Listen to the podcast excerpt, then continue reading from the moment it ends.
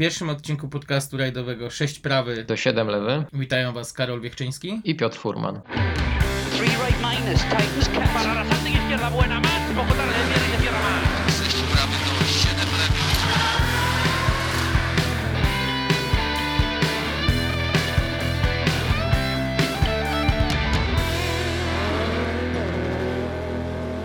Jak pewnie się domyśliliście, będziemy rozmawiać o rajdach. O rajdach samochodowych, ale w ujęciu historycznym. O rajdach, które są naszą największą pasją e, i słuchając naszych podcastów dowiecie się o wielu ciekawostkach e, i faktach. Ale zanim zaprosimy Was do naszego wehikułu czasu, na początek trochę aktualności.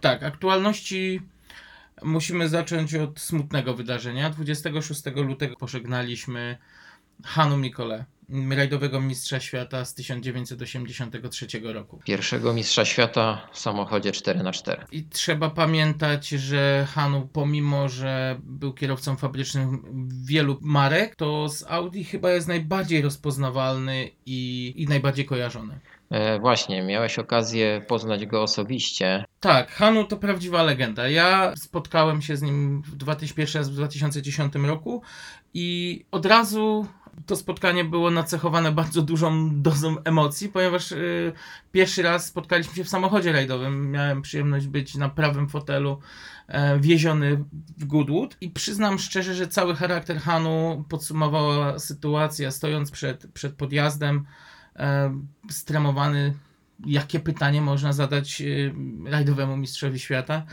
Nagle sam Hanu obrócił się do mnie i swoim przeaksamitnym głosem zaczął mówić 11 miesięcy ciężkiej pracy, żeby zbudować nie tylko samochód, ale cały e, zespół Audi Sport. Bo Tak. trzeba przyznać, że nie byłoby zespołu Audi Sport, gdyby nie Hanu. To właśnie on wziął na siebie tą ogromną pracę i duże ryzyko, bo niestety, ale dopóki Audi nie reprezentowało napędu na cztery koła, było jakąś podrzędną marką, która mimo uczestnictwa w rajdach do Mistrzostw Świata nie była kompletnie znana. Właśnie, bo Hannu wykazał się tutaj wielką odwagą, e, decydując się na współpracę z Audi, bo wielu innych kierowców e, no, po prostu się bało.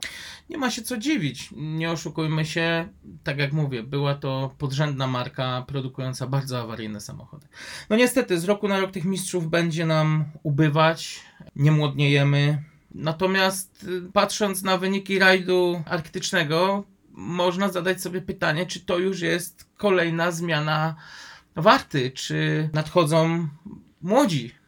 No niewątpliwie drugie miejsce Calero Van Pery, który otarł się o zwycięstwo w rajdzie arktycznym, e, no dobitnie pokazuje, że czas na zmiany. Podobnie ma się rzecz do Szweda Oliwiera Solberga, e, który w rajdzie arktycznym wystartował pierwszy raz samochodem klasy WRC. E, No i szykuje nam się w tym roku nie lada pojedynek. Szweda, czyżby Oliwier obywatelstwo objął po mamie? No, na obecną chwilę startuje samochodem ze szwedzką flagą obok swojego nazwiska. E, Na początku pamiętamy, że znajdowała się tam flaga łotewska, ale wynikało to z licencji, z kraju, z którego posiadał licencję. No a teraz jego narodowość e, jest szwedzka. Może jednak rodzice boją się, żeby nie interweniował Barne Wernet w Norwegii. E, No nie wiem, jak bardzo e, ta organizacja jest w stanie ingerować w prywatne życie rodziny Solbergów. Nie zmienia to faktu, że Oliwier jest Szwedem. Czy uważasz, że doczekamy się polskiego przedstawicielstwa wśród tych młodych gniewnych? No mam taką nadzieję. Ostatnia bardzo dobra wiadomość z krajowego podwórka to objęcie programem 15-letniego Huberta Laskowskiego przez firmę Pirelli. Także kto wie, czy za 5 lub może nie wiem, maksymalnie 10 lat e, nie będziemy mieli polskiego kierowcy wśród najlepszych. No ja strasznie będę trzymał e, kciuki za Huberta i bardzo żałuję, że nie zobaczymy go już na trasach nowego rajdu w kalendarzu rajdu Chorwacji. E, Natomiast e, chyba będziemy mieli komu kibicować w Chorwacji. Tak, od rajdu Chorwacji swój program e, w WRC3 e, zaczyna Kajetan Kajetanowicz i Maciek Szczepaniak. Trzymamy za nich kciuki. Jakim samochodem? E, Skodą Fabią R5. e, wersji Evo oczywiście. No i cóż, rajd Chorwacji będzie dla wszystkich nową rundą. E, Tak na marginesie dodam, że Chorwacja będzie 35. e, krajem, który zorganizuje rundę WRC. E, No i zobaczymy. Asfalty, tam, tamtejsze asfalty znane już z eliminacji Mistrzostw Europy no, mogą okazać się dosyć ciekawe i zobaczymy, jak sobie poradzą najlepsi kierowcy na świecie. Trzymamy kciuki za e, Oczywiście. Kajtka i jego pilota, a mówiąc o pilotach, nie w sposób jeszcze nie poruszyć kwestii największego rozwodu w świecie motorsportu pomiędzy Danielem Eleną i Sebastianem Lebem. Jak możesz skomentować tą sytuację? E, No cóż, dla mnie sytuacja jest jak najbardziej znana, ale mocno przerysowana. E, Nie wiem skąd tyle zamieszania w tej sprawie.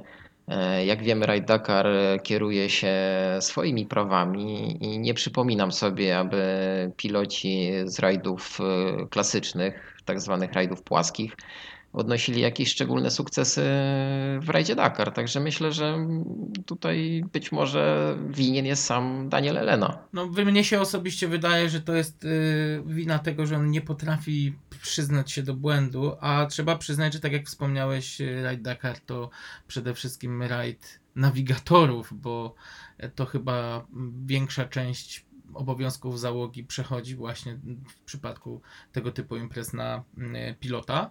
I wydaje mi się, że tu chyba lepiej sprawdzałby się ktoś z doświadczeniem nawigacji morskiej. E, No teraz nie wiem, jak, jak wygląda warsztat y, pilota rajdowego w rajdzie Dakar, ale rzeczywiście no, e, historia pokazuje, że piloci, którzy odnosili największe sukcesy i doprowadzali najlepszych kierowców e, na metę rajdu Dakar, e, mieli doświadczenia właśnie na przykład żeglarskie, tak jak e, Philippe Monet, który doprowadził do zwycięstwa w 1992 roku Huberta Oriola. Także y, chyba jednak Daniel Elena musi przełknąć gorzką pigułkę i zrozumieć pewne rzeczy, które y, pokierowały decyzją Sebastiana Leba i całego zespołu. No właśnie, musimy dodać, że to jednak była decyzja całego zespołu, szefostwa Ja zespołu. jednak tutaj, ja tutaj jednak będę utrzymywał swoją wersję, że jednak to kierowca podpisuje kontrakt z zespołem i to on sobie dobiera pilota, więc e, ostateczna decyzja musiała należeć do Sebastiana Leba. Czy y, masz swoich faworytów, y, których widziałbyś na y, gorącym fotelu e, u Sebastiana? Nie wiem, może to będzie Jean-Marc Fortin. Wszak Krzysiek Hołowczyc był zadowolony e, ze współpracy na rajdzie Dakar z ze słynnym fortepianem. Zobaczymy, czas pokaże.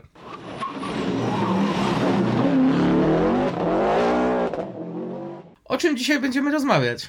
No cóż, dzisiaj chciałbym wrócić do wydarzeń sprzed lat, które ciągle mam niedosyt yy, z powodu tego, jak się rozstrzygnął, jak się rozstrzygnęła wtedy walka o tytuł Mistrza Świata. Ale żeby Cię naprowadzić o jakim sezonie e, myślę, posłużę się cytatem. Okej. Wielokrotnie byłem na niego wściekły. Bez wątpienia najgorszy moment nastąpił wtedy, gdy wyrzucił tytuł na śmietnik. Musiał tylko dojechać do mety tuż za Richardem Burnsem i kolejne mistrzostwo miałby w kieszeni. Ale on walczył o zwycięstwo na każdym odcinku i odpadł. To było największe rozczarowanie dla teamu oraz dla mnie. Pracowaliśmy tak ciężko, aby mógł zostać mistrzem świata. Malcolm Wilson, założyciel i szef M-Sportu. No to już faktycznie mogę powiedzieć wprost. Chodzi o sezon 2001 i walki pomiędzy dwoma Brytyjczykami. Chociaż trzeba zauważyć, że chyba czterech kierowców miało szansę zdobyć tytuł. Tak, ten sezon, pierwszy sezon w nowym tysiącleciu przeszedł do historii m.in. z tego powodu, że czterech kierowców walczyło o tytuł podczas ostatniej rundy, także mm, wszyscy byliśmy trzymani w napięciu do samego końca. E, Ale jednak właśnie chciałbym, żebyśmy się skupili dzisiaj na tej walce, e, na No tej właśnie. bitwie o Wielką Brytanię, jak to wtedy No właśnie, bo nazywano, powiedziałeś o batalię między, tak, między Colinem, między Colinem a Richardem. A ja czuję właśnie niedosyt z tego powodu, e, że to Colin jednak nie został tym mistrzem świata. Choć do dziś bardzo bym chciał, żeby właśnie tak się stało. Fakt jest faktem, że sezon Colina był naprawdę imponujący, ale jednak zwycięzcy są na mecie i mimo wszystko Richard y, no, był lepszy. I, I prawda też jest w mojej ocenie taka, że em, w pełni zasłużył na ten tytuł, więc możemy się tutaj troszkę pospierać. Z tym się zgodzę, że zasłużył na ten tytuł, ale moim zdaniem na tym nie polegają rajdy. E, Richard e, naprawdę jechał taktycznie, momentami bardzo wyrachowanie. e, Potrafił w niektórych miejscach, na niektórych rajdach zwalniać i, i no, posłużył się tutaj taką dodatkową jeszcze umiejętnością, której chyba Colinowi wtedy brakowało. Ale Colin z kolei to, to brawura, to, to bezkompromisowość, jazda na ponad 100% w każdych warunkach, a przecież to kochamy w rajdach. Ja przyznam szczerze, że ja jednak będę w przypadku tego sezonu kibicował Richardowi Burnsowi za jego finezję i absolutnie fenomenalne umiejętności w, gładkim prowadzeniu samochodu. Ale prześledźmy może ten cały cykl, cały sezon, bo dojdziemy do bardzo ciekawych wniosków. Zaczęliśmy w Monte Carlo. Tak, tradycyjnie sezon zaczął się e, w Monte Carlo. E, Sezon 2001 składał się z 14 rund i mieliśmy wtedy już e, rekordową niemalże liczbę zespołów fabrycznych na starcie. Siedem zespołów zgłosiło chęć uczestnictwa w Mistrzostwach Świata wtedy. E, Z tym, że tylko cztery wystartowały we wszystkich 14 rundach. E, Citroen wystartował tylko w czterech rajdach, jak dobrze pamiętamy. E, Skody zabrakło w Nowej Zelandii, e, z kolei Hyundai nie zdecydował się na start w rajdzie Safari. E, Każdy e, zespół mógł wystawić trzech kierowców, e, ale musiał nominować e, dwóch e, przed rajdem, którzy będą zdobywali punkty dla zespołu.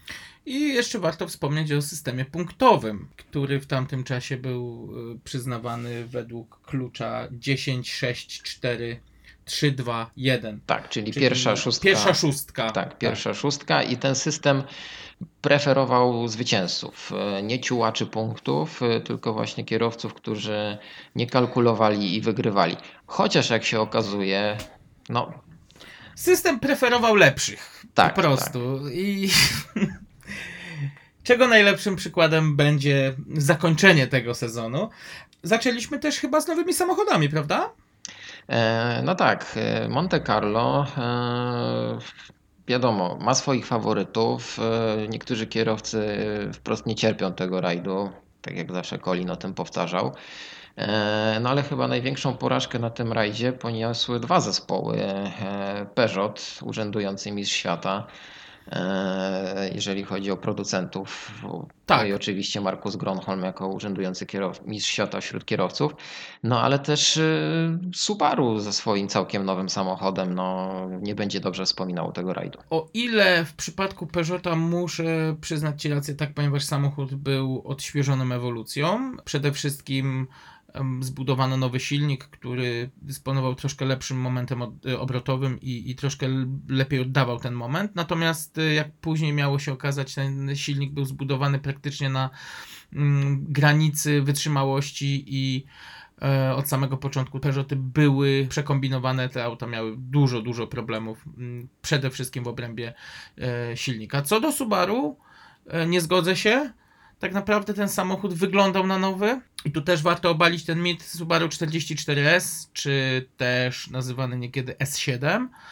E, Był niczym innym, tylko P2000 w nowym czterodrzwiowym opakowaniu. Tylko po to, żeby nadążyć za modelem produkcyjnym. Oczywiście płyta podłogowa dała troszkę większą sztywność nadwozia i poszerzyła samochód nieznacznie, natomiast mechanika e, praktycznie w 90% pozostała dokładnie taka sama jak w modelu P2000. Aha, czyli Subaru po prostu e, wprowadziło e, samochód e, z poprzedniego sezonu w brzydszym opakowaniu. Dla mnie ładniejszym. Dla mnie P44S to jest najpiękniejsze Subaru WRC, jakie kiedykolwiek powstało. Wiem, będę kontrowersyjny, ale ten samochód ma w sobie tyle agresji i em, tyle takiego rajdowego sznytu, że naprawdę ja chylę czoła przed zespołem projektantów, którzy zrobili z tego auta naprawdę kawał świetnej roboty, żeby ten samochód wyglądał. No ale okej, o gustach nie będziemy tutaj dzisiaj rozmawiać. E, Cóż, e, Subaru no, zaczęło fatalnie ten rajd, e, awaria za awarią, wypadek Petera Solberga. E, No i duża niespodzianka, bo do głosu doszedł Colin. Colin, który toczył fantastyczny pojedynek z Tommy McKinnonem. No i do momentu awarii Forda Focusa, niestety, no niestety awarii, tak, po, ponieważ no, była szansa realna na zwycięstwo. Auto się zepsuło, e, No niestety pamiętamy. problemy, problemy z przepustnicą. Tak. Ten samochód kilkakrotnie stawał na mm, odcinkach specjalnych i faktycznie w końcu stanął raz na dobrze. Stanął raz na Grzebiąc dobrze. szansę na dobry wynik, naprawdę dobry Tak, wynik. najprawdopodobniej na zwycięstwo, e, ale no, już pamiętamy tylko reakcję Kolina, w jaki sposób zamknął maskę e, i, i jak się Bardzo ładnie to zachowywał. ująłeś. Tak, Zamknął maskę. Zamknął maskę, no niestety zamknęły się też szanse przed nim na zwycięstwo, na pierwsze zwycięstwo w rajdzie Monte Carlo.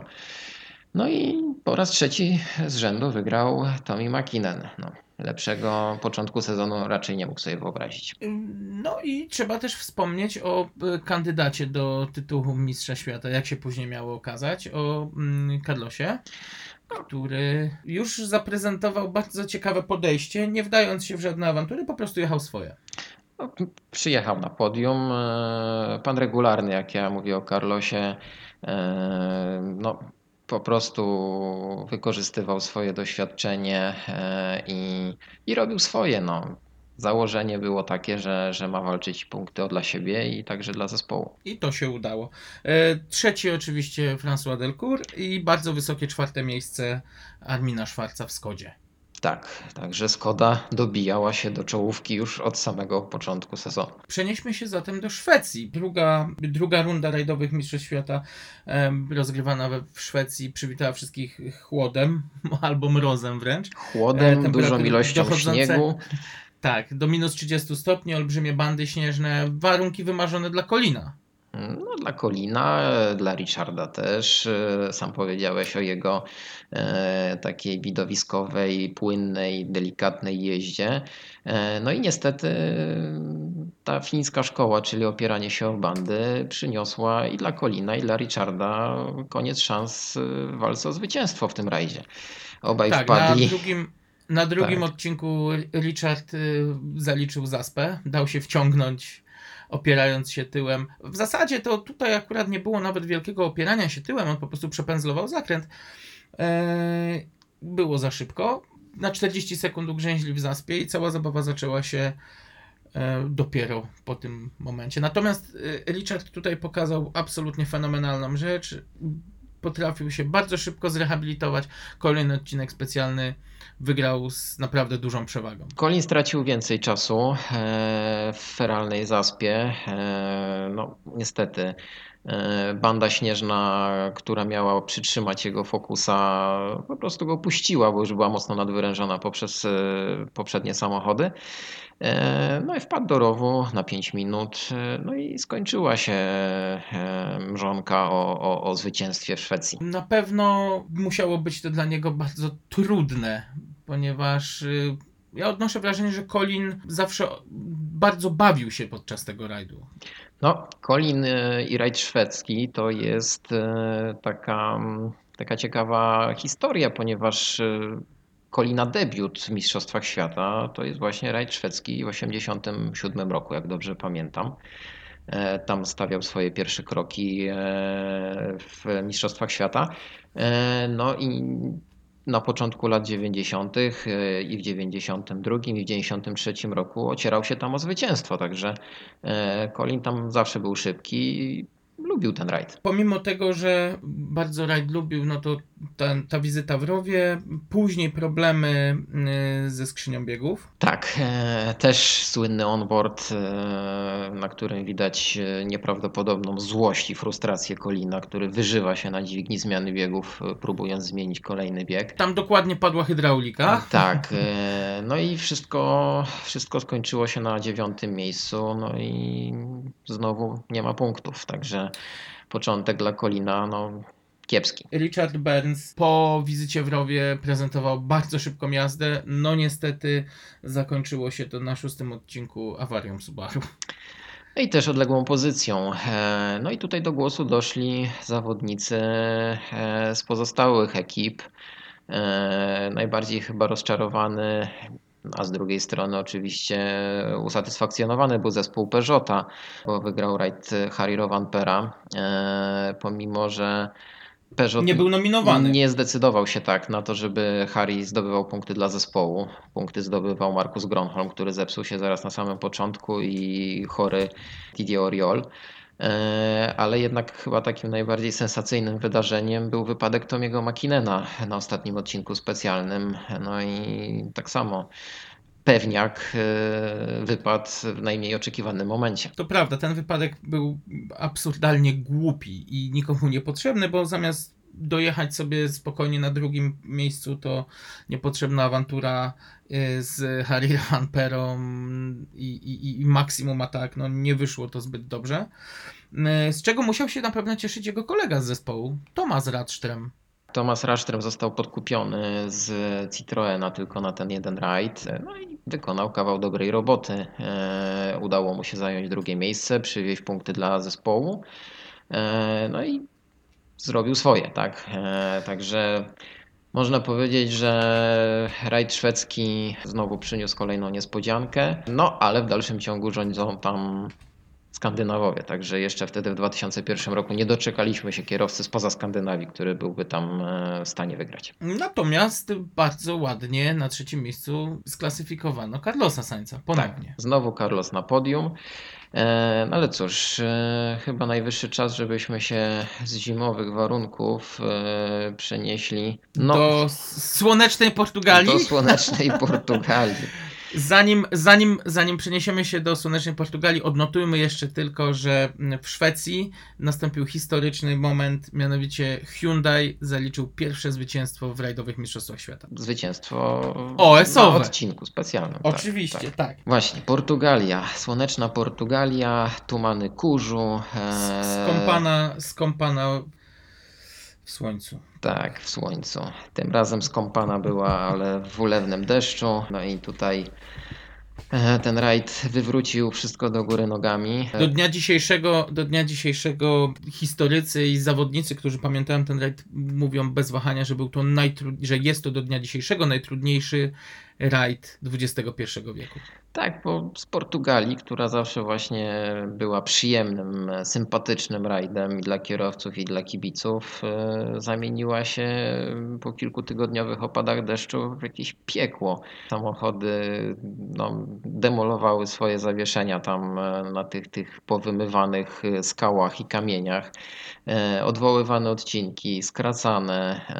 No dramat, po prostu dramat. Bardzo szybkie tempo narzucił od samego początku Tommy Makinen. Za kierownicą Mitsubishi Lancera e, deklasował praktycznie wszystkich, wygrywając odcinek za odcinkiem. No Natomiast, troszeczkę, e, troszeczkę prze, prze, przepraszam, że ci przerwę, ale no pod koniec y, czuł oddech y, Carlosa Sainza, y, ponieważ Carlos wykorzystał jego mały błąd, potem y, jednak popełnił y, on błąd i finalnie przewagą 8 sekund, 8,5 sekundy Tommy odniósł zwycięstwo. Trzeba przyznać, że był to szalony rajd. 500 tysięcy kibiców na fafę. Nie przeszkadzała ulewny deszcz, nie przeszkadzała mgła, przynajmniej kibicom. Gorzej dla, było dla kierowców. Praktycznie każdy jeden z nich narzekał. Burns narzekał na warunki pogodowe oraz na problemy z układem kierowniczym. Samochód bardzo ciężko się prowadził i no, to też było widać na czasach. No właśnie, Richard tutaj miał i tak więcej szczęścia, e, bo w tym e, brytyjskim pojedynku e, no, ukończył ten rajd, zdobył pierwsze punkty, co znowu nie udało się Colinowi. Akurat Colin e, korzystał dopóki mógł z dobrej pozycji startowej, bo zawodnicy, którzy no, startowali dużo później, no, mieli problemy z przejechaniem tych odcinków specjalnych. No ale Kolina znowu wykończyła awaria samochodu i to, to było chyba dla niego najbardziej frustrujące i, e, i po trzecim rajdzie jego konto punktowe nawet nie drgnęło. Drgnęło natomiast y, konto pana regularnego, jak go nazwałeś. El Matador y, Tak. zakończył rajd na drugim miejscu, a trzeci przebłysk formy Peugeotów. Właśnie tutaj taka nadzieja się pojawiła znowu e, dla Peugeota, Gronholm, dla Gronholma przede wszystkim, bo przecież Gronholm, e, no, urzędujący mistrz świata, e, liczył na dużo więcej po tym e, początku sezonu. No ale cóż, e, podium może nie było zbyt zaskakujące. E, My wtedy bardziej e, dopingowaliśmy e, naszej polskiej trójce. czyli Leszkowi Kuzajowi, Januszowi Kuligowi i Pawłowi Dytce. Pierwsza dwójka nie zaliczy chyba tego startu do udanych. E, No niestety, no niestety. E, Sytuacja e, tego przeprawowego rajdu była no, najbardziej e, trudna dla Leszka Kuzaja, który wycofał się po prostu po awarii wycieraczek e, i, i no, w tych warunkach jazda bez wycieraczek raczej e, nie ułatwiała zadania. Janusz Kulik, no dla Janusza to już był drugi start w Mistrzostwach Świata 2001. E, Wystartował też w rajdzie szwedzkim. Był tam zgłoszony do Pucharu Zespołów Niefabrycznych, czyli Teams Cup. Cup. Tak. Tak, e, no o ile rajd e, szwedzki udało mu się ukończyć e, na trzecim miejscu w tych rozgrywkach, e, no w Portugalii niestety nie miał tyle szczęścia. Od początku borykał się z problemem kontuzji prawej dłoni, którą wybił sobie jeszcze na treningach przed rajdem, ale, ale i tak radził sobie bardzo dobrze w tych ciężkich warunkach. E, Był drugi w punktacji w klasyfikacji Teams Cup, no ale niestety awaria Focusa spowodowała, że musiał się pożegnać e, z marzeniami o kolejnych punktach. Bez większych awarii natomiast rajdu kończyli kuzyni Dytko.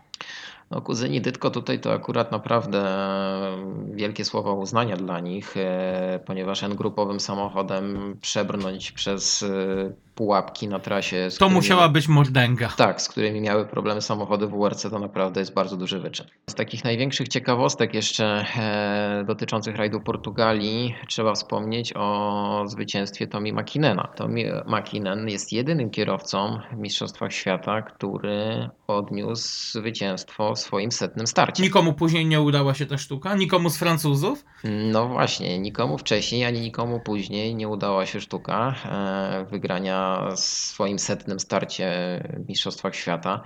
Tomi dokonał tego w niezwykle trudnych e, warunkach, e, no i myślę, że pamięta o tym do dziś. Po błotnistej Portugalii przenieśmy się do Katalonii. Tak, hiszpańskie słońce e, zaświeciło dla Peugeota znowu i tutaj trzeba wspomnieć właśnie, trochę od końca zacznę, ale o zwycięstwie Didi Oriola, dla którego to było ostatnie zwycięstwo odniesione w Mistrzostwach Świata. Troszkę, troszkę to smutne patrzeć na mm, taką schodzącą gwiazdę z rajdowego firmamentu, jaką był y, Didier. E, I trzeba też przyznać, że ten sezon, o którym mówimy, też nie był takim ostatnim dla niego, e, ale już nie miał możliwości powalczenia mm, z tą coraz mocniejszą konkurencją. Tak, Didier naprawdę pokazywał się z najlepszej strony w 2001 roku. E, Pomimo, że często był odsuwany od tego, żeby zdobywać punkty dla zespołu, jednak dawał z siebie wszystko. E, No i niekiedy nawet czuł się tak zawiedziony z tego powodu, że akurat e, nominowany do tego jest Harry Rovanpera, a nie on. No ale w niektórych rajdach okazało się, że wybór Harry'ego był jak najbardziej na miejscu. Warto jeszcze odnotować, że pierwszy odcinek specjalny e, już widać było, że chyba Hiszpanie przewidzieli sytuację pandemiczną, ponieważ e, z powodu epidemii e, pryszczycy odwołano obecność kibiców. Rajd był rozgrywa- Odcinek specjalny był rozgrywany bez obecności kibiców przy drodze, co było mm, rzeczą niespotykaną w tamtym czasie, szczególnie w Hiszpanii. No a 20 lat później, jak się okazuje, zaczyna to być normą, co mnie bardzo niepokoi, no ale może akurat to jest temat na rozmowę inną zupełnie. Bardzo tragicznie rozpoczęli y, imprezę kierowcy zespołu Subaru. Peter Solberg y, na OS-ie y, trzecim zrolował swoje Subaru, niszcząc go doszczętnie. A Richard Burns po problemach ze skrzynią biegów wypadł w ogóle poza pierwszą dziesiątkę. No właśnie, czyli nowe brzydkie Subaru e, w dalszym ciągu nie może nabrać e, wiatru w żagle. No ale też wiatru w żagle nie może nabrać Colin, e, nie może nabrać też Ford. Tak się zastanawiam, e, e, co by było gdyby Ford został przy oponach Michelin, z których korzystał rok wcześniej. To te nowe opony Pirelli no jednak chyba na asfaltach nie spełniały swojego zadania. Wydaje mi się, że Ford przeszedł do obozu Pirelli zachęcony tym faktem, że tak naprawdę mając tylko dwa zespoły, Pirelli mogło skoncentrować się, przynajmniej mogło tak to wyglądać, że będą mieli możliwość skoncentrowania się na tych zespołach i ta współpraca będzie o wiele bardziej zacieśniona. No, niestety wyszło jak wyszło i faktycznie te Pirelli na asfaltach bardzo mocno odstawały, co było widać po wypowiedziach Carlosa Sainza, który no wręcz modlił się o deszcz. No tak, a przypomnijmy, że Colin rok wcześniej wygrał rajd Katalonii e, i wierzył w to, że, że właśnie będzie udał, uda, uda mu się powtórzyć ten sukces, a przynajmniej będzie walczył o miejsce na podium. Ale tutaj nie zrzucajmy winy na y, opony, bo Colin niestety zakończył rajd Katalonii po awarii technicznej. Y, o ile dobrze pamiętam, chyba problemy z silnikiem wyeliminowały go z tej Tak. imprezy. Tak, niestety znowu problemy z samochodem. E, Kierowcy trochę narzekali wtedy na zbyt małą moc Forda Focusa, szczególnie właśnie na asfaltach. No ale co, no, mamy czwartą rundę Mistrzostw Świata. Colin znowu wyjeżdża z kolejnego rajdu do domu bez punktów, także no dramat, dramat, totalny dramat dla zawodnika, który no od początku chce walczyć o tytuł Mistrza Świata w tym roku. Ale tak samo y, bez punktu wyjeżdża Richard Burns. No, marne to pocieszenie pewnie było dla Kolina, e, ale no cóż, e, skoro chłopaki nie zdobyli punktów, e, no to w zasadzie temat możemy zakończyć, ale e, jeżeli chodzi o rajd Katalonii, no musimy powiedzieć przecież teraz o debiucie nowego zespołu. Citroen zadebiutował w wielkim stylu, przynajmniej na początkowej fazie rajdu, y, Xarą T4, która y, w wielu punktach była samochodem mocno bliźniaczym do Peugeota 206 WRC. Bliźniaczym, bo na przykład jednostka napędowa oparta była na tym samym bloku, jak również niektóre rozwiązania y, techniczne były e, zapożyczone właśnie z Peugeota. No tak, ale jak się okazało już podczas pierwszych odcinków specjalnych, e, ten samochód oka- okazał się szybszy od Peugeota. uczeń y, pobił mistrza i to było widać y, bardzo szybko. Jesus Puras y, z Markiem Marti no naprawdę stali się sensacją i faktycznie no było widać potencjał tego samochodu. No niestety długo to nie trwało. No nie tylko Jesus Puras, e, Filip Bugalski e, też e, jechał w czołówce. No co prawda zawodnicy Citroena od początku narzekali na hamulce, na problemy z zawieszeniem.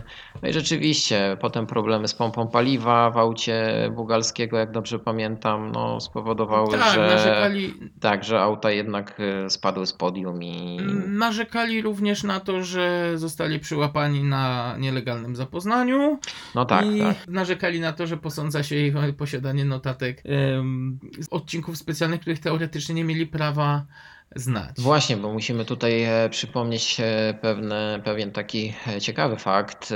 No, FIA wtedy bardzo pilnowało e, kwestii zapoznania z trasą. Te dwa przejazdy musiały wystarczyć zawodnikom, żeby się zapoznać całkowicie z odcinkami specjalnymi. E, W rajdzie szwedzkim e, dotkliwie to odczuł m.in. Gianluigi Galli, który został zdyskwalifikowany właśnie za nielegalne zapoznanie z trasą. E, Czyli jak widać, nie tylko w Polsce mm, było popularne no tak. objeżdżanie trasy przed rajdem. Nielegalki nielegalki w najwyższym wydaniu też się zdarzały. E, No w Hiszpanii doszło nawet do tego, że zawodnicy mieli stemplowane czyste zeszyty przez organizatora rajdów e, przed rekonesansem i było to skrupulatnie sprawdzane, czy rzeczywiście mają te notatki sporządzane od podstaw. Tym razem y, chyba jednak nikt nie jeździł na rowerze oraz w wąsach. Ech, no, znani dwaj rowerzyści francuscy, e, Didier Oriol i Gilles Panizzi, stosowali różne metody, jak widać. Nie obyło się, tak, w przypadku Citroena nie obyło się bez y, afer. I ja mam swoją teorię do tego, że Citroen po prostu tego rajdu nie mógł skończyć i te awarie to, był tylko, to była tylko przykrywka do tego, żeby po prostu pewne rzeczy nie zobaczyły światła dziennego na badaniu technicznym. Ten samochód wystartował w tym rajdzie testowo i śmiem twierdzić, że zespół Citroena miał troszkę więcej rzeczy do ukrycia niż tylko e, notatki Marka Martiego. E, Jest to wielce prawdopodobne. No, przypomnijmy, że rozwój Citroena Xary T4 no, miał miejsce we Francji, w Mistrzostwach Francji. E, Tam to auto no, miało naprawdę cudowne warunki do tego, żeby się rozwijać, no ale rzeczywiście nie musiało być do końca zgodne z regulaminem. Także tego się już pewnie nie dowiemy, ale zostawmy to w sferze domysłów. Po rajdzie Katalonii czas na Zmieniamy kontynent, do, tak. Tak, do Szybko Ameryki zmieniamy Południowej. kontynent. I dochodzimy do ciekawego punktu w klasyfikacji Mistrzostw Świata. Mianowicie zarówno Colin, jak i Markus Gronholm stanęli przed sytuacją, w której muszą wygrać ten rajd, No właśnie, bo jeżeli pewnie... chcą liczyć o, na dalsze możliwości zdobycia zwycięstwa na koniec sezonu. Tak, tak. Pewnie zwróciłeś e, uwagę na radość w moim głosie, ponieważ Colin odnosi swoje pierwsze zwycięstwo w 2001 roku. W ogóle pierwsze od prawie roku, ponieważ e, przez 11 miesięcy no niestety nie udawało mu się stawać na najwyższym stopniu podium. Ale wreszcie udaje mu się odnieść zwycięstwo po fantastycznej e, bitwie z Richardem. E, Ja tutaj właśnie jednak chciałbym zwrócić uwagę na to, że to zwycięstwo mogłoby różnie wyglądać, gdyby ten rajd troszkę dłużej pot- potrwał. To, co robił Burns pod koniec, to naprawdę szapoba. Tak, e, no to już e, był pościg w najlepszym wydaniu. Te różnice były coraz mniejsze. Colin na pewno musiał wykazać się dużą odpornością psychiczną. E, No i udało mu się, udało mu się. Wygrał Odpornością ten psychiczną rajd. musieli się też wykazać kierowcy Peugeota, ponieważ praktycznie wszyscy mieli bardzo duże problemy z samochodami. Peugeoty padały jak muchy, jak nie turbospężarki, to problemy ze sterowaniem silnikiem, skrzynie biegów. Auta się ponownie przegrzewały, jak w przypadku Kurund w Szwecji i w Monte Carlo. No cóż, no Peugeot y, nie odrobił lekcji. Nie wiem, co się tam naprawdę działo, że te samochody no, były zupełnie innymi autami niż te, które znaliśmy w 2000 roku. No ale tak naprawdę, cóż, no, dla mnie istotne było zwycięstwo Kolina. Strasznie się ucieszyłem z tego faktu wtedy. E, No i jak się później okazało, to był początek takiego marszu e, Kolina do tego, żeby odzyskać e, szansę na to, żeby walczyć o, o tytuł Mistrza Świata. Warto też wspomnieć o jednym z pechowców tego rajdu, mianowicie chodzi mi tutaj o Tomie McKinnena, m, który po naprawdę niezłej jeździe i plasowaniu się w- mniej więcej w okolicach trzeciego miejsca, no niestety zmuszony został naprawiać na poboczu drogi skrzynię biegów za pomocą e, podnośnika do samochodu, kamienia i sterty patyków. Wyobrażasz sobie taką sytuację we współczesnych rajdach? Boję się, że nie chcę tutaj nikogo obrazić, ale boję się, że spora część kierowców miałaby problem ze wskazaniem skrzyni biegów we współczesnym samochodzie rajdowym. No, może aż tak źle nie jest, ale jeżeli chodzi o tak zaawansowane naprawy, tak prymitywnymi narzędziami, no to rzeczywiście e, te 20 lat temu i jeszcze wcześniej e, to nie było nic nadzwyczajnego. Okej. E, System punktowy już w tym momencie y, wystawił troszeczkę na piedestał Colina McRae i Richarda Burnsa za y, pierwsze i drugie miejsce i sprawił, że wszystko stało się możliwe dla tej dwójki po rajdzie Argentyny. Chyba na Cypr obydwaj panowie musieli jechać z bardzo dużymi apetytami na zwycięstwo. No na pewno, e, szczególnie, że wyniki rajdu Cypru e, to jest kalka wyników rajdu Argentyny. Podium rajdu Cypru wyglądało dokładnie tak samo jak w Argentynie. Przypomnijmy, Colin McRae, Richard Burns i I Carlos Sainz. tak jest. Tak. Najbardziej cieszył się Ford z kompletu punktów, bo już wtedy miał bardzo dużą przewagę nad e, Peugeotem. No ale cieszył się przede wszystkim Colin, tak? Bo na jego miejscu e, po tym początku sezonu, no traciłbym nadzieję.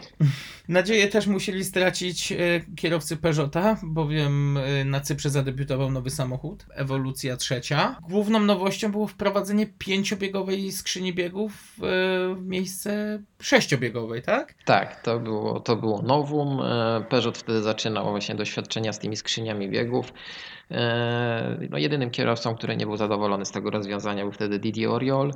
E, Przeszkadzało mu też szczególnie na rajdach asfaltowych. Jeszcze jeśli chodzi o rajd Cypru, trzeba mm, wspomnieć o sytuacji, która miała miejsce mm, w przypadku Forda. E, Mianowicie Colin też musiał najeść się troszkę strachu, jak w pewnym momencie jego e, fokus po prostu zgasł, nie chciał zapalić i też stracił trochę czasu na jednym z odcinków specjalnych. Ponieważ zastrajkował układ sterujący silnikiem i ten samochód po prostu miał problemy z odpalaniem. Później sytuacja powtórzyła się na odcinku dojazdowym. Na szczęście mechanicy zdołali wymienić komputer, usunąć usterkę i e, szczęśliwie Colin znalazł się na najwyższym Tak. I... e, stopniu punktu. Mówiąc o rajdzie Cypru, wchodzimy w te rajdy, gdzie przede wszystkim najważniejsza była taktyka. Tak. A chyba najbardziej taktycznym rajdem był rajd Akropolu. E, Rajd Akropolu, e, ulubiona runda Kolina. E, Trzy razy już odnosił tam zwycięstwo. I tutaj miał szansę na to, żeby, żeby znowu powalczyć o kolejny triumf. E, Lubił ten rajd, e, dobrze się zawsze tam czuł, a przede wszystkim dobrze się tam czuł Ford, który no, dzielnie znosił te, te wertepy, ten upał i, i te ciężkie warunki drogowe. No niestety do tego rajdu do udanych nie zaliczy mój faworyt. Richard Burns już na samym początku wypada z drogi, ale wypada tak nieszczęśliwie, że uszkadza wał napędowy, co eliminuje go z dalszej jazdy. Mm, No i niestety z Grecji Richard wyjedzie bez punktów. Ale tutaj akurat problemy Richarda wynikły troszeczkę z niekompetencji jego zespołu, ponieważ e, człowiek, e, jeden z członków zespołu, który pokazywał różnice czasowe między zawodnikami, bo to były czasy, kiedy zawodnicy radiową drogą nie dostawali informacji o międzyczasach, tylko na trasie przy odcinkach specjalnych stawali członkowie ekip i pokazywali na tablicach różnice czasowe, stanął w takim miejscu, że zdekoncentrował Richarda, no i Richard e, wypadł z trasy, no i właśnie uszkodził samochód. E, Po odpadnięciu Richarda e, w pewnym momencie prowadzenie nad całą stawką objął El Matador. Carlos Sainz e, na krótko objął prowadzenie i wszyscy mówili o tym, że będziemy świadkami Team Orders. No było takie ryzyko, e, bo pamiętamy co się działo rok wcześniej. E, No cóż, Carlos nigdy nie byłem fanem jego stylu jazdy, e, ani jego samego jako zawodnika, ale tutaj no, olbrzymi szacunek, jak e, dokładnie, jak, jak precyzyjnie wykorzystywał to swoje doświadczenie. E, No i tutaj akurat e, Ford naprawdę był zadowolony z jego obecności. No tylko podejrzewam, że on nie mógł być zadowolony z Forda po tym, jak zaraz po e, objęciu prowadzenia niestety musiał pożegnać się z rajdem za sprawą awarii e, układu smarowania. No, Pewnie cieszył się z tego powodu tylko Colin, no ale faktycznie Carlos nie ukończył e, tego rajdu, e, pierwszego rajdu w tym sezonie z powodu awarii samochodu. E, Było to, to też warte odnotowania. 23 zwycięstwo Colina McRae. Tak, 23 Mistrzostwa zwycięstwo, tak, i dołączył właśnie do Carlosa i do Juchy Kankunena w tej klasyfikacji takiej. e, Liderów, jeśli chodzi o zwycięstwa. Tak, w Mistrzostwach Świata. Zwycięstwo Colina przyniosło jeszcze jedno wydarzenie dla historyków tego sportu. Mianowicie po raz pierwszy w historii e, w rundzie rajdowych Mistrzostw Świata na podium stanęło dwóch walijskich pilotów. No właśnie, to jest warte odnotowania. I rajd zakończył się wynikami e, Colin McRae, Peter Solberg i Harry Rovanpera, który ponownie nie był nominowany do zdobywania punktów. Tak, ale ten błąd został naprawiony podczas kolejnej eliminacji, czyli rajdu Safari. E, Harry już e, reprezentował e, sprawy Peugeota e, na miejsce Didier Oriola, z czego Didier Oriol był bardzo niezadowolony, ale akurat e, on występ w rajdzie Safari zakończył e, pożarem, dosyć poważnym wypadkiem. E, Ale nie będziemy tutaj skupiać się e, aż tak bardzo na Peugeocie, ponieważ e, w Kenii do głosu dochodzi tam i Makinen znowu. Tak, Makinen, Makinen w ogóle rajd Safari zaczął z wysokiego C, zderzeniem czołowym z ptakiem, który wbił się do środka przez przednią szybę. Narobił troszkę zamieszania w samochodzie. To było dość niebezpieczne zdarzenie, a Tak. co nie przeszkodziło to miemu i tak wygrać tego odcinka specjalnego i narzucić znowu fantastycznego tempa podczas całej imprezy. Tak, to mi, to mi się doskonale wpisał e, w takie nowe warunki tego rajdu, ponieważ e, terminowo rajd został rozegrany w lipcu i warunki na trasie były zgoła odmienne niż te, e, które pamiętamy z okresu takiego wczesnego wios- wczesnowiosennego. E, Opady deszczu spowodowały, że zawodnicy mieli do pokonania kilkuset metrowe takie brody i kałuże e, które zalewały te samochody. Woda się dostawała niemalże wszędzie. E, Ale tutaj akurat właśnie Tommy e, wykorzystał swoje doświadczenia do bólu. E, No i wygrał ten rajd w znakomitym stylu. W znakomitym stylu też y, odpadł Colin McRae. Ja jestem pełny podziwu za jego determinację i wolę walki. Przypomnijmy, że na jednym z zakrętów uszkodził układ kierowniczy. Rozjechały mu się po prostu przednie koła. Tak, pęk drążek Mm. kierowniczy w zawieszeniu. I ja jestem naprawdę pełny podziwu dla determinacji Szkota, który gdzieś po kolejnach cisnął do przodu tylko, żeby ukończyć ten odcinek. No niestety mechanika, siła wyższa, ten samochód nie dał rady jechać dalej i, Niestety właśnie. zakończył jazdę. A Colin liczył też na dobry wynik w tym rajdzie. Podobnie zresztą jak Richard Burns, który również odpadł z powodu awarii zawieszenia. No to jest y, niestety dla Richarda e, gorzka pigułka do przełknięcia, natomiast no e, otarcie łez dostał rolę y, spotera Petera Solberga. Trzeba tutaj wspomnieć, że Raid Safari z racji tego, że był rozgrywany w ruchu drogowym, każda załoga czołówki musiała obligatoryjnie być pilotowana przez śmigłowiec lecący nad samochodem. Tak. I właśnie w rolę jednego ze spoterów, y, w rolę osoby, która przekazuje informacje, co jest, co znajduje się przed załogą jadącą, właśnie wstąpił Richard Burns. Dokładnie, to były takie właśnie warunki e, rajdu Safari.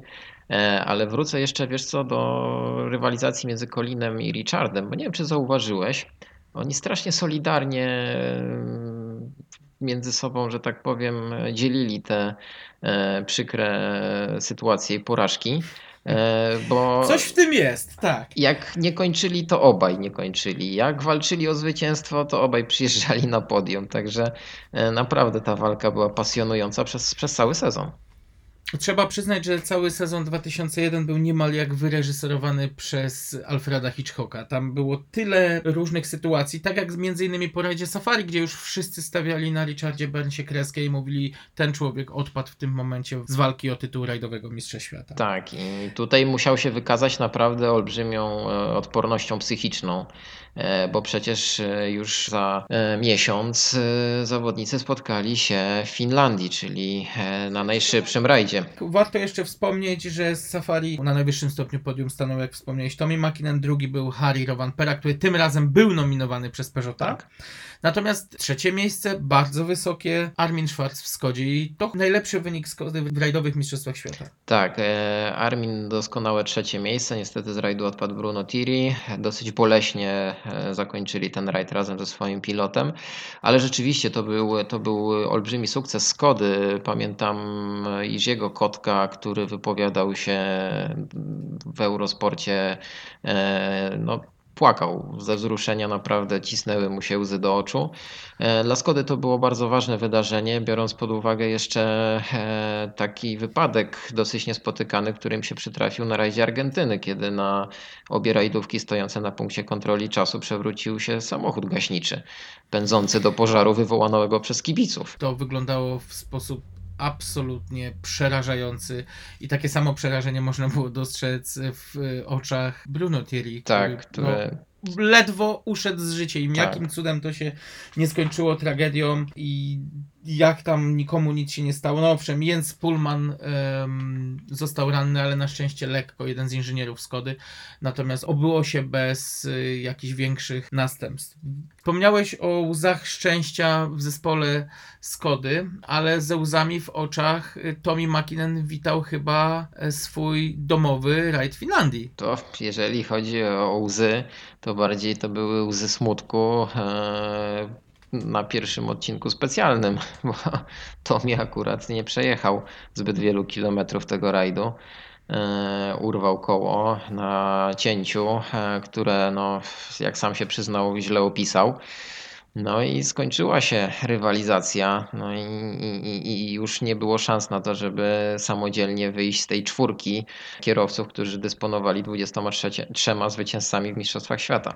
Warto jeszcze wspomnieć o wielkim powrocie kolejnego mm, Fina podczas tej imprezy. Wiesz o kim mówię? No z pewnością o Toni Gardemeisterze i Jucha. To też? Też. To też, ale właśnie chodziło mi o Juchę Kankunena. Właśnie, Juha Kankunen wystartował właśnie wtedy w Hyundaiu i e, no niestety No nie był to wielki powrót. nie był to wielki powrót, nie miał szans na zwycięstwo, e, ale właśnie wspomniałem tutaj o Tonim, e, jakoś pierwszy, pierwszego miałem go na myśli, być może dlatego, że... Nie bez powodu. No właśnie, bo on bardzo dobrze zaczął sezon w prywatnym Peugeocie z Griffon e, i przyjeżdżał w czołówce i w Monte Carlo i w Szwecji, e, udowadniając, że, że należy mu się miejsce w zespole fabrycznym, no ale start Finlandii w zespole Mitsubishi był bardzo nieudany. Natomiast bardzo udany występ zaliczył Richard Burns. E, Od samego początku, pomimo tego, że w pewnym momencie był przecierakiem, był pierwszą załogą na trasie i na odcinkach szutrowych nie wróżyło to nic dobrego, to Burnsowi nie przeszkadzało to we wspaniałym stylu m, wykręcać pierwsze czasy na odcinkach specjalnych. No właśnie, Richard swoim, e, swoją fantastyczną jazdą zmusił nawet e, zespół Peugeota, przede wszystkim Markusa Gronholma do zastosowania pewnej taktyki, żeby e, nie otwierać trasy, ponieważ te różnice były tak niewielkie, że Gronholm musiał no, umiejętnie tutaj e, balansować e, w wynikach. Co tym razem wymyślił zespół z Belizy? Jeżeli chodzi e, o takie przepychanki na pozycjach startowych, no to Markus udawał zmianę koła. To znaczy zmieniał koło rzekomego, z powodu rzekomego kapcia. E, Więc miało to, to, to na pewno e, wydarzenie miało miejsce i było zarejestrowane przez kamerę. I chyba faktycznie zespół Peugeota zaliczy ten start do udanych. No, zaliczy. Markus wygrał rajd. e, Harry Rovanpera otarł się o podium, chociaż też nie uniknął problemu z samochodem. e, No ale najlepszym takim kąskiem dla nas e, był pojedynek między Richardem a Colinem. Tak jest, rozstrzygnięty na, tym razem na korzyść Richarda Bernsa. Tak, ale tutaj akurat wcale się nie dziwię, ponieważ Colin zawsze podkreślał, że e, rajd Finlandii jest tak bardzo specjalistycznym rajdem i tam mają tak olbrzymią przewagę lokalni kierowcy, że e, on sam się przyznawał do tego, że raczej nie będzie się włączał do walki o zwycięstwo. Już myślałem, że powiesz, że tak nie lubi tego rajdu, że jeździ, bo musi. No nie, to nie, to nie Monte roli. Carlo, nie, to nie Monte Carlo. Tutaj akurat Colin lubił przyjeżdżać i naprawdę no, w roku 2000 był drugi, także był w stanie szybko pojechać ten, na tym rajdzie. We wrześniu odbył się rajd Nowej Zelandii, ponieważ niestety e, był on rozgrywany dwa tygodnie po ataku na World Trade Center. E, Zespół Forda postanowił uczcić pamięć ofiar, malując samochód e, François Delcoura w okolicznościowe malowanie. Na starcie mm, uczci, uczczono też pamięć ofiar minutą ciszy. No potem jakoś François się bardzo tym nie przejmował, ponieważ wydachował swojego Focusa. Tracąc przednią szybę i dobrze, że miał gogle w samochodzie i mógł dzięki temu kontynuować jazdę. Tak, szczególnie na nowozelandzkim szutrze, który wchodzi podobno wszędzie. No wiesz, skoro e, portugalski shooter w, w akurat w 2001 roku no, nie wykazywał ochoty na to, żeby się kurzyć, no to któryś, któraś z nawierzchni Równowaga musiała. musiała być zachowana. Dokładnie. Na jakość szutru narzekał też Richard Burns, który mm, praktycznie na każdym odcinku specjalnym walczył z przyczepnością swojego Subaru. No, ale robił to dużo bardziej skutecznie niż Tommy McKinnon. Zdecydowanie tak. W ogóle dla mnie jazda e, Richarda Burnsa podczas rajdu Nowej Zelandii to jest właśnie ten rajdowy majstersztyk. To jest to, za co ja osobiście ubóstwiam e, Richarda Burnsa. Zamaszyste, głębokie poślizgi, ale tak na dobrą sprawę takie, jakie mają być i bardzo oszczędne kręcenie kierownicą przy tym. Najbardziej elegancko jeżdżący kierowca tamtego e, okresu, bez wątpienia. I to przekładało się też na efekty czasowe, ponieważ e, rywalizację dyktował praktycznie od samego początku Richard Burns. Pomimo tego, że końcówkę rajdu, trzeci dzień, przecierał, więc miał najbardziej niewdzięczną rolę do spełnienia. I nie przeszkadzało mu to i tak wygrywać jeszcze odcinków specjalnych, mimo tego właśnie przecierania tych OS-ów. E, No tutaj Richard naprawdę rozegrał fantastycznie ten rajd taktycznie. E, Pojechał naprawdę e, bardzo mądrze, doskonale wiedział, gdzie przyspieszyć, w zasadzie zwalniać nie zwalniał. E, Wypadałoby też jeszcze przypomnieć, że to nie było pierwsze zwycięstwo w Nowej Zelandii Richarda. E, Wygrał ten rajd w 1996 roku, chociaż on wtedy nie był rundą e, Mistrzostw Świata. Tak. Ale no tutaj Richard pojechał fantastycznie i było to dla niego być albo nie być. No, tutaj mieliśmy na tym rajdzie taki kolejny przełom, tak? Czyli Richard wraca do walki. I wrócił naprawdę w wielkim stylu. Yy, Rajd zakończył się jego zwycięstwem. Mnie oczywiście ucieszyło drugie miejsce Kolina, czyli znowu mamy tutaj potwierdzenie tego, co powiedziałem, czyli jak e, obaj nie kończyli, to obaj. Tak, trzeci Harry Roban-Pera, a czwarty Carlos Sainz. Carlos Sainz. No tym razem nie na podium, ale jednak kolejne punkty, no i przedłużenie szans. Trzeba jeszcze y, tutaj z kronikarskiego obowiązku mm, wspomnieć o tym, że rajd Nowej Zelandii to rajd najdłuższego y, odcinka specjalnego tamtego sezonu. Y, Najdłuższy odcinek mógł poszczycić się odległością 60 km. Tak. Naprawdę dzisiaj rzecz niespotykana. Słynne Parachi, e, 60-kilometrowy odcinek specjalny, no to tylko w rajdzie Safari e, spotykaliśmy próby o takiej długości, no i oczywiście dłuższe.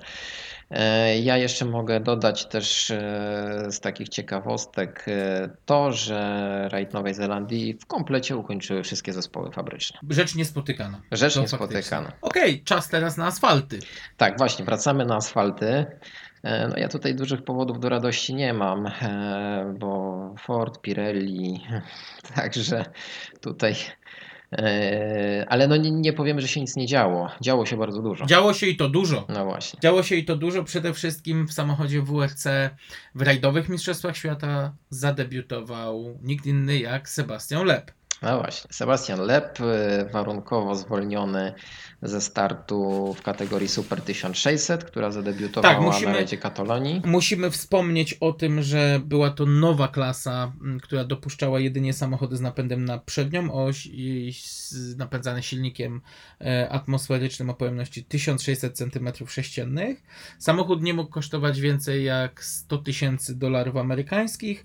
Musiał być pozbawiony jakichkolwiek y, nowoczesnych technologii typu y, sekwencyjne skrzynie biegów czy włókna węglowe oraz jakieś kewlary. I taka ciekawostka, w strefie serwisowej mogło go obsługiwać tylko początkowo trzech, a później czterech mechaników. Tak, ja tutaj jeszcze dodam, że fabryki nie mogły prowadzić e, tych zespołów oficjalnie No nie oczywiście. mogło, ale, ale tajemnicą Poliszynela było to, że fabryki i tak prowadziły te zespoły. Dokładnie, co było widoczne przede wszystkim w przypadku Citroena i Fiata.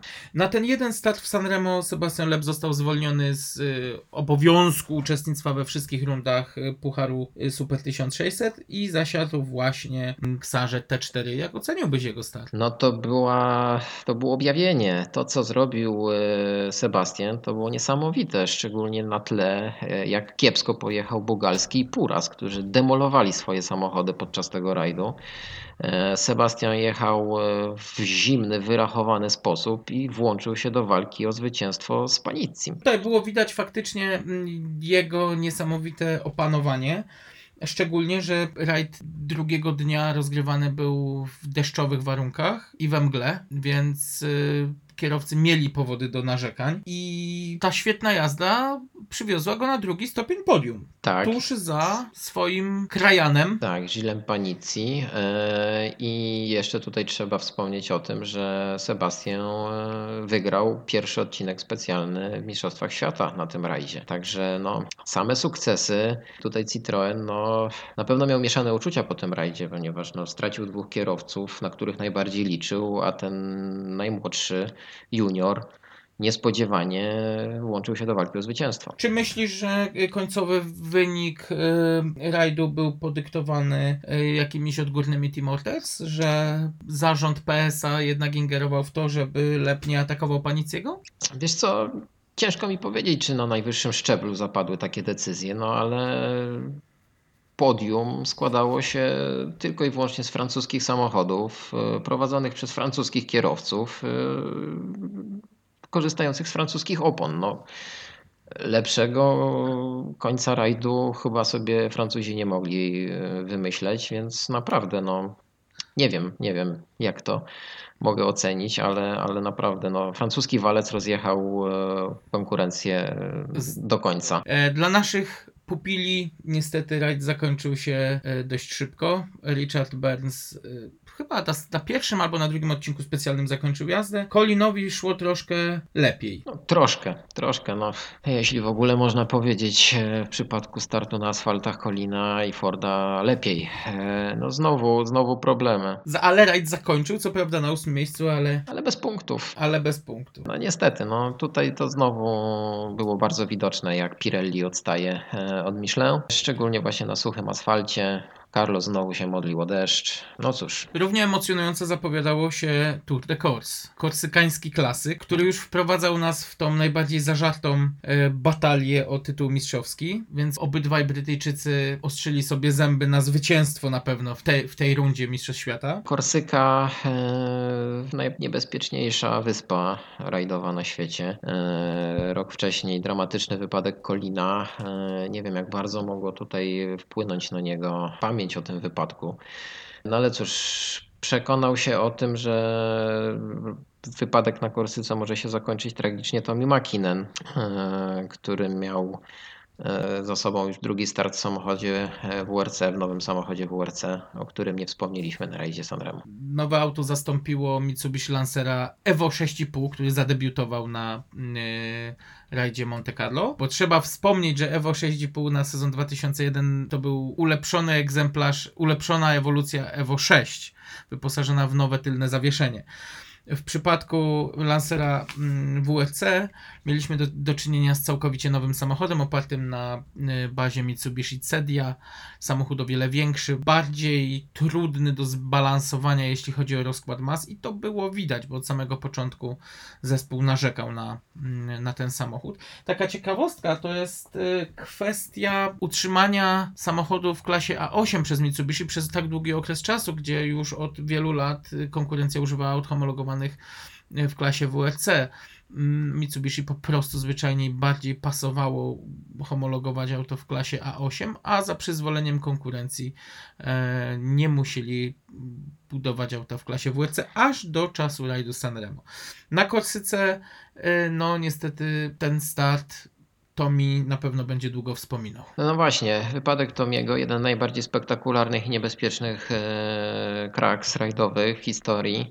E, nie tylko tej wyspy. Nie zmieścił się e, na drodze Tomi, Tomiego nowy Lancer. Uderzył e, w murek, odbił się od skały i zawisł nad przepaścią. Był to OS Radical. No tutaj największe zagrożenie było dla Ristoma Senmakiego, który został w tym samochodzie uwięziony. Tomi wydostał się o własnych siłach z auta. No i cała Tak, ta akcja być- ratunkowa, tak, którą no, pokazywały kamery, no, wyglądała naprawdę. Odbyła się przy udziale ekipy alpinistycznej. Tak, tak. Trzeba było zabezpieczyć najpierw ten samochód, żeby się nie zsunął e, w tą przepaść. e, I, i tutaj naprawdę śledziliśmy to z zapartym tchem. Przebieg rajdu mógł również śledzić e, z zapartym tchem jeden z pretendentów do e, zwycięstwa, czyli e, Bugalski. Tak, Filip Bogalski, który no też bardzo szybko. W bardzo głupi sposób na bardzo pierwszym głupi odcinku. sposób, tak. Tak. Wypadł z trasy, no i na polu bitwy został Jesus Puras. Jesus Puras, który powetował sobie niepowodzenia z Hiszpanii z Włoch, no i wygrał. Wygrał swój pierwszy rajd w Mistrzostwach Świata. No i trzeba przyznać tutaj, że podium to po raz kolejny popis trzech muszkieterów z Francji. Tak, tutaj, tutaj e, mamy e, lekko Puras, zakłócony, lekko tak, zakłócony Puras, przez Purasa, tak, pojedynek francuski. E, no Peugeoty 2 na podium, no ale jednak w cieniu Citroena. Dzięki kolegom z zespołu na czwartym miejscu znalazł się Richard Burns. To trzeba powiedzieć jasno. To było Team Orders. Tak, no to było Team Orders, y, do czego Subaru się y, przyznawało. Peter Solberg chyba w, w rewanżu za Raid Safari wjechał wcześniej na punkt kontroli czasu, złapał y, spóźnienie, no i w ten sposób przepuścił Richarda o jeden stopień wyżej. Po rajdzie Korsyki mm, przenieśliśmy się do Australii, do krainy miliardów boksydowych kuleczek, jak mawiał jeden ze słynniejszych polskich dziennikarzy rajdowych. Tak, y, boksytowe kuleczki, czyli walka o pozycje startowe. Rajd Australii był jedynym rajdem w kalendarzu, który mm, dopuszczał wybór pozycji startowych w formie dość niecodziennej, prawda? E, Tak, po każdym etapie zawodnicy byli, mogli wziąć udział e, w wyborze pozycji startowych, mm, na których będą jechali następnego dnia. No i tutaj rozstrzygnęła się sprawa tytułu Mistrza Świata. Tak w każdym bądź razie uważał Colin McRae, który spóźnił się na to, na tą ceremonię i niestety przez dyrektora rajdu nie został dopuszczony do wyboru tej pozycji startowej i drugiego dnia otwierał rajd jako pierwszy na trasie. No tutaj faktycznie nie, mógł, nie miał możliwości powalczenia, natomiast Ford próbował jednak ratować sytuację. No tak, François Delcourt dostał tutaj odgórny, w zasadzie rozkaz, może nawet nie tyle prośbę, chociaż to było przedstawione w formie prośby, żeby to on jednak otwierał trasę przed Kolinem i zamiatał ten luźny shooter. E, No i tak się stało. No i rozkaz zakończył się wypadkiem, złamanym obojczykiem, trzema żebrami e, i przebitym płucem No właśnie, Daniela tak. E, pilota Tak, tak, niestety właśnie François zbyt długo nie, nie odkurzał Kolinowi tej drogi. Bardzo poważny wypadek, bardzo niebezpiecznie wyglądający, no i też e, ciężki w skutkach. E, no to było pierwsze ostrzeżenie dla François wtedy. Wiadomo jak się skończył kolejny wypadek w 2002 roku. Niestety chyba y, Australia nie jest miejscem wakacyjnych wycieczek François Delcoura dzisiaj. No niestety, pewnie niemile wspomina e, Niemile, bytność na na, tym rajdzie. W rajdzie zwyciężył Markus Gronholm, E, właśnie, a drugim był Richard Burns. tak. Po fantastycznej jeździe, po raz kolejny naprawdę świetna jazda Brytyjczyka. E, tak, Richard Burns e, no, cieszył się pewnie gdzieś tam z problemów e, że Colin no niestety no, nie mógł się przez e, to otwieranie trasy włączyć do, do, do rywalizacji o zwycięstwo. Ostatecznie zajął piąte miejsce, ale ja bym tutaj jeszcze wspomniał o Peugeotie, bo chyba Peugeot miał największe powody do radości. Trzy samochody na mecie. E, No i ten finał e, i druga część sezonu no w wykonaniu Peugeota no wręcz e, fantastyczna. Niespodziewana wręcz. Widać było, że, widać było, że inżynierowie odrobili zadanie domowe i ten samochód wreszcie zaczął być bezawaryjny. I potwornie szybki w dodatku. Tak, i potwornie szybki. I tutaj no Harry akurat przegrał z Oriolem walkę o podium. No ale cóż, e, trzy samochody na mecie. No super. Corrado Provera pewnie był bardzo szczęśliwy. Na pewno y, odpalił najlepsze cygaro ze swojej kolekcji. Tak, tak, na pewno miał powód do tego. Piotrek, kogo obstawiasz za największego winowajcę sytuacji z Colinem McRae i z spóźnieniem na mm, losowanie? Czy to wina, w, twojej ocenie, czy to wina mm, Colina, czy wina pilota, czy może Gary Connolly zawalił całą sprawę, który prowadził całą operację przyznawania y, pól startowych? Wiesz co, ja się ciągle zastanawiam i bardzo, bardzo jest mi przykro z tego powodu, że, że to się tak skończyło, że w tak niesportowy sposób Colin został potraktowany. Z książki, e, z autobiografii Colina pamiętam tylko taką historię, którą właśnie powiedział sam Colin, że on się pojawił na tej ceremonii w wyznaczonym czasie. Okazało się, że dosłownie tam dwóch minut zabrakło, żeby, żeby mógł e, uczestniczyć e, w tym wyborze. E, No ale tutaj no, surowo postąpił wobec niego dyrektor rajdu, nie dając mu szansy. No ale też trochę winy ponosi za to i Nicky Christ, myślę, ponieważ chyba wtedy nie przekazał Colinowi tej konkretnej minuty, w której on ma się tam pojawić. No i tak się to stało, jak się stało. No na pewno Niki nie był zadowolony z takiego obrotu sprawy, szczególnie, że to się stało w dniu jego 40 urodzin. To na pewno musiało boleć.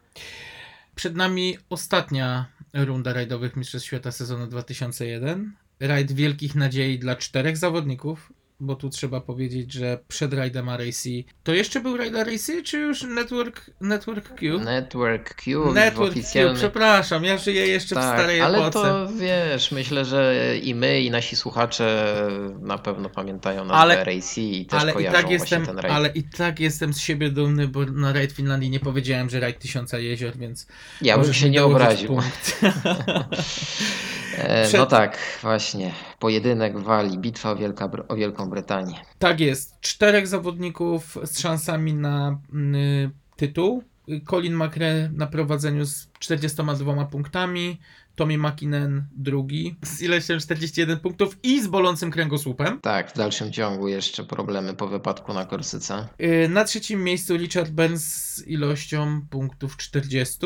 Trzeci teoretycznie nadal mający szansę na y, zwycięstwo Carlos Sainz. Tu musieliby pierwsza trójka, wspomniana trójka musiałaby nie ukończyć rajdu, a Sainz musiałby Wygrać. zwyciężyć w, w tym rajdzie, więc jest to powiedzmy czysto teoretyczna. Czego już y, dokonywał w rajdzie Wielkiej Brytanii, a nie udało się to nigdy Tomiemu McKinnonowi. Zdecydowanie tak. No i właśnie, i teraz jak obstawiałeś wtedy, te 20 lat temu, śledząc z pewnością te wydarzenia, jak Ja obstawiałeś? kibicowałem, ja kibicowałem całym sercem Richardowi. To był, to był mój kierowca. Ja już od czasów y, jego startów za kierownicą karizmy kibicowałem Richardowi. Ten chłopak naprawdę szalał w sposób tak finezyjny, że trudno by było nie kibicować. I tutaj trzymałem do samego końca kciuki. Oczywiście gdzieś tam też cząstka mnie y, spoglądała w, w stronę Colina McRae, natomiast y, no tu niestety szybko się okazało, że gdybym kibicował, gdybym postawił pieniądze na Colina, to szybko bym przegrał. No ja byłem właśnie skłonny postawić e, no, jakieś skromne pieniądze, którymi wtedy dysponowałem na Kolina e, i naprawdę z całego serca życzyłem mu tego tytułu. Wiedziałem jak się właśnie e, toczyły losy tego sezonu dla niego. E, No i gorąco wierzyłem w to, że Colin zostanie po raz drugi mistrzem świata i wierzyłem w to e, nie dlatego, że byłem jego wiernym fanem, po prostu mu się to wtedy należało e, za, za ten ciężki jego sezon i, i- i poprzednie sezony w Fordzie. No i tu niestety y, słowa, o którymi zaczęliśmy, o wyrzuceniu tytułu na śmietnik, mm, okazały się bardzo trafione. Czwarty odcinek specjalny, bardzo szybki, piątkowy, prawy zakręt, zbyt głębokie cięcie, pomylony, w mojej ocenie pomylony opis y, tyczący się kolejnego zakrętu w sekwencji mm, spowodował podbiciem samochodu z prawej strony i rolowaniem po lewej stronie drogi w bardzo spektakularny sposób. To aż cud, że nikomu nic się nie stało. E, No pamiętamy tę sytuację. E, Rzeczywiście wypadek wyglądał dramatycznie. Ja się do dziś w tej chwili śmieję, że Colin wypadł na rondzie. No ten OS. Tak, e, odcinek, odcinek ronda. Tak. Tak, e, no to był dla Colina teoretyczny koniec, ponieważ no, gdyby jeszcze Richard nie ukończył tego rajdu, to on jednak by świętował e, tytuł Mistrza Świata i jak sam powiedział Colin, wcale by mu to nie przeszkadzało, jakby zdobył ten drugi tytuł w takim stylu. Chociaż na pewno wolał to, żeby się stało w czystej sportowej walce. To prawda, y, masz rację, natomiast Richard y, musiał wykonać swoje zadanie, które, którym było tylko albo aż dojechanie na czwartej pozycji, co nie oszukujmy się, w warunkach rajdu Wielkiej Brytanii zawsze było problemem, bo ten rajd jest nieprzewidywalny. I to było widać w jeździe Burnsa pewną nerwowość. Parę razy samochód gdzieś był obracany, gdzieś gasił go po drodze. No niemniej jednak największy dramat rozpoczął się po zakończeniu pierwszego dnia, gdzie już wiedząc, że jest drugi w klasyfikacji generalnej rajdu, oddał samochód do parku Fermer na noc i po nocnej przerwie samochód rano nie zapalił. E, Załoga musiała przeżyć naprawdę niesamowite nerwy. Procedura startowa e, Subaru 44S wymagała wypchnięcia samochodu poza punkt kontroli czasu wyjazdowy z parku Ferme i wymianę świec. To, to był element procedury startowej na wypadek nieodpalenia auta po nocy. Co na szczęście Okazało pomogło. się, że na szczęście pomogło i, i Brytyjczyk mógł kontynuować e, swoją podróż w drodze o tytuł. Po tytuł. No właśnie, wtedy już Richardowi teoretycznie nikt nie przeszkadzał, e, ponieważ na drugim odcinku specjalnym e, z rajdu wycofał się Tommy McKinnon.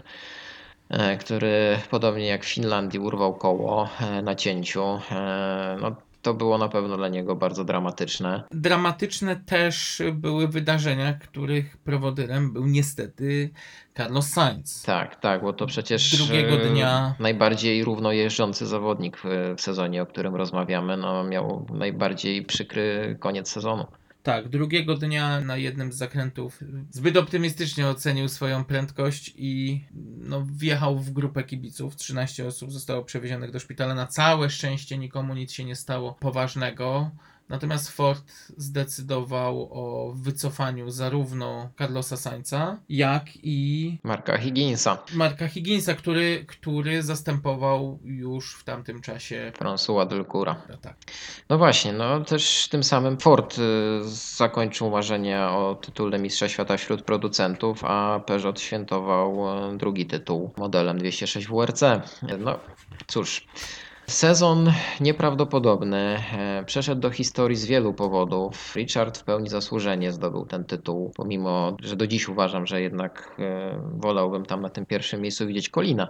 Czyli jednak musisz zgodzić się z y, moim zdaniem, że Richard tak nie bezpodstawnie tego tytułu nie dostał. Wiesz, zdobył tytuł Mistrza Świata po dwóch tytułach wicemistrza świata, które już posiadał w swojej kolekcji, ale przeszedł do historii jako zawodnik, który dokonał tego wygrywając jeden rajd w sezonie, co nie zdarzyło się ani wcześniej, ani później. I udało mu się tego dokonać najmniejszą liczbą punktów w historii. Tak naprawdę z powodów nawet takich czysto e, właśnie no, dziennikarskich, jakbyśmy to mogli powiedzieć, ten sezon przeszedł do historii. No, niesamowite to Tak, było. ale trzeba odnotować, tutaj troszkę pobawiłem się, ja wiem, że to jest twoja domena, ale tym razem ja pobawiłem się troszkę w statystyki. Policzyłem, ile razy Richard Benz był na podium. I okazało się, że jednak był więcej razy od Colina, ponieważ Richard Benz był 6 razy na podium w tym sezonie, Colin był tylko 5. Co ciekawe, obydwoje kierowcy mogą cieszyć się taką samą liczbą zwycięstw na odcinkach specjalnych. Tak, po Mówimy tutaj o 35. 35, tak. Więc jednak ta szala zwycięstwa gdzieś tam na, na stronę Richarda jednak się przechyla. No ale wiesz, jednak e, liczba zwycięstw też miała e, tutaj znaczenie. No, nawet jeżeli zawodnicy by zakończyli, obaj zawodnicy by zakończyli te mistrzostwa taką samą liczbą punktów, mistrzem świata zostałby Colin, ponieważ tych zwycięstw miał trzy. To prawda, no stało się jak się stało. Tytuł pojechał do Anglii i e, trzeba przyznać, że dzisiaj z perspektywy czasu ja uważam, że bardzo dobrze się stało, że postać Richarda Bensa została gdzieś na złotych stronach y, księgi motorsportu zapisana właśnie tym tytułem mistrzowskim, bo był to kierowca niebanalny, był to niesamowity talent, był to, musisz chyba się ze mną zgodzić z tym, że je, był to jeden z najładniej jeżdżących zawodników, nie tylko swojego czasu, ale wydaje mi się, że w ogóle.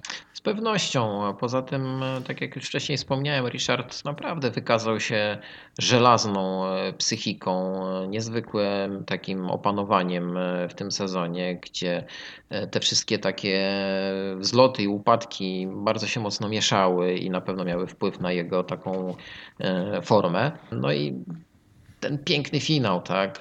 Ten okrzyk radości w samochodzie, jesteśmy najlepsi na świecie.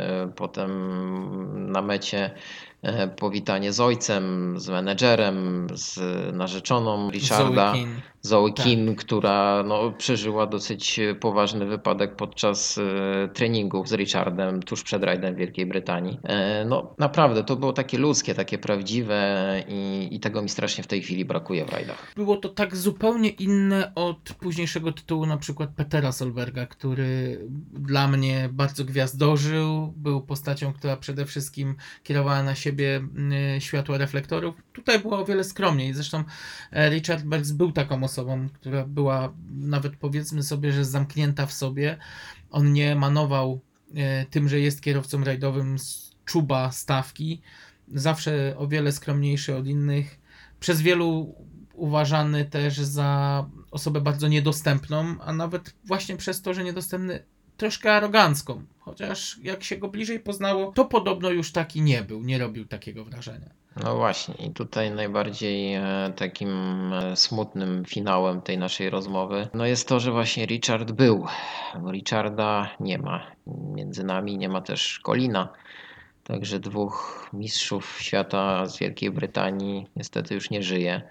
Te nasze wspomnienia chyba tym bardziej są takie żywe i prawdziwe w tej chwili.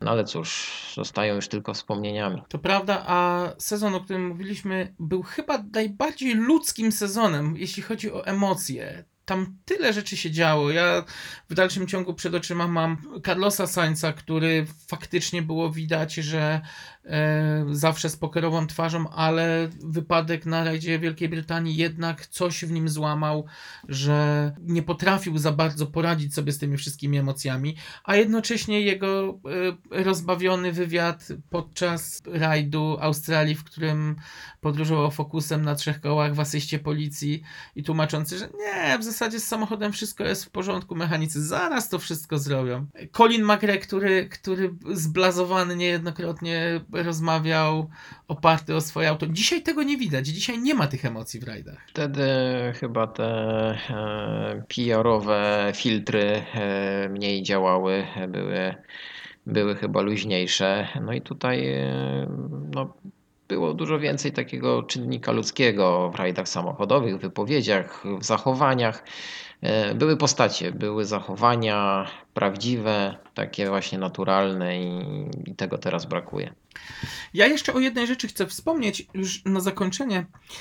Kwestii awaryjności samochodów. To jest też coś, co dzisiaj się nie zdarza aż w takim stopniu. Już pomijam, że na przykład w aucie Petera Solberga nagle były problemy z hamulcami, które okazały się, że tam po prostu bidon z wodą wpadł pod, pod pedał hamulca, ale te samochody oprócz tego, że były bardzo szybkie jeździły w swój bardzo charakterystyczny sposób, każdy y, samochód jeździł w zupełnie inny sposób, nerwowy i nerwowisty Peugeot, do tego długie auta pokroju Mitsubishi i Subaru, to jednocześnie zwróć uwagę, jak bardzo awaryjne i chimeryczne te auta były. Dzisiaj wydaje mi się, że to się nie zdarza. Dzisiejsza stawka jest bardziej wyrównana. E, Wtedy jednak taki podział na zespoły A i B był bardziej widoczny. Fakt, no, było wtedy więcej tych zespołów. No, nie było mowy, żeby Hyundai czy, czy też Skoda włączyła się do walki o zwycięstwo w jakiejkolwiek e, eliminacji. Oprócz tego, jak już wspomnieliśmy, że kierowcy i zawodnicy mieli swoje charaktery, te charaktery też miały te samochody i e, to było właśnie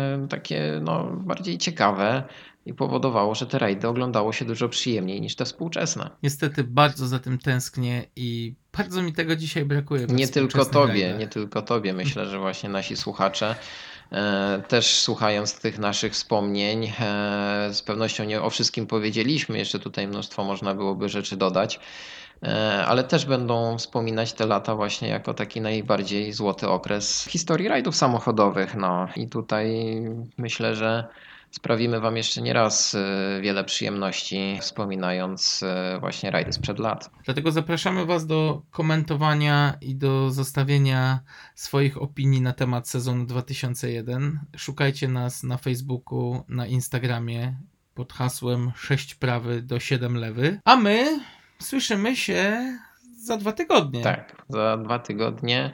Na razie nie zdradzimy Wam, o czym będziemy rozmawiać. Będzie to niespodzianka. No i cóż, dziękujemy za uwagę, dziękujemy za e, to, że poświęciliście nam czas. No i do usłyszenia. Do usłyszenia. Three right minus, cap. Para la izquierda, buena más. Poco tarde, viene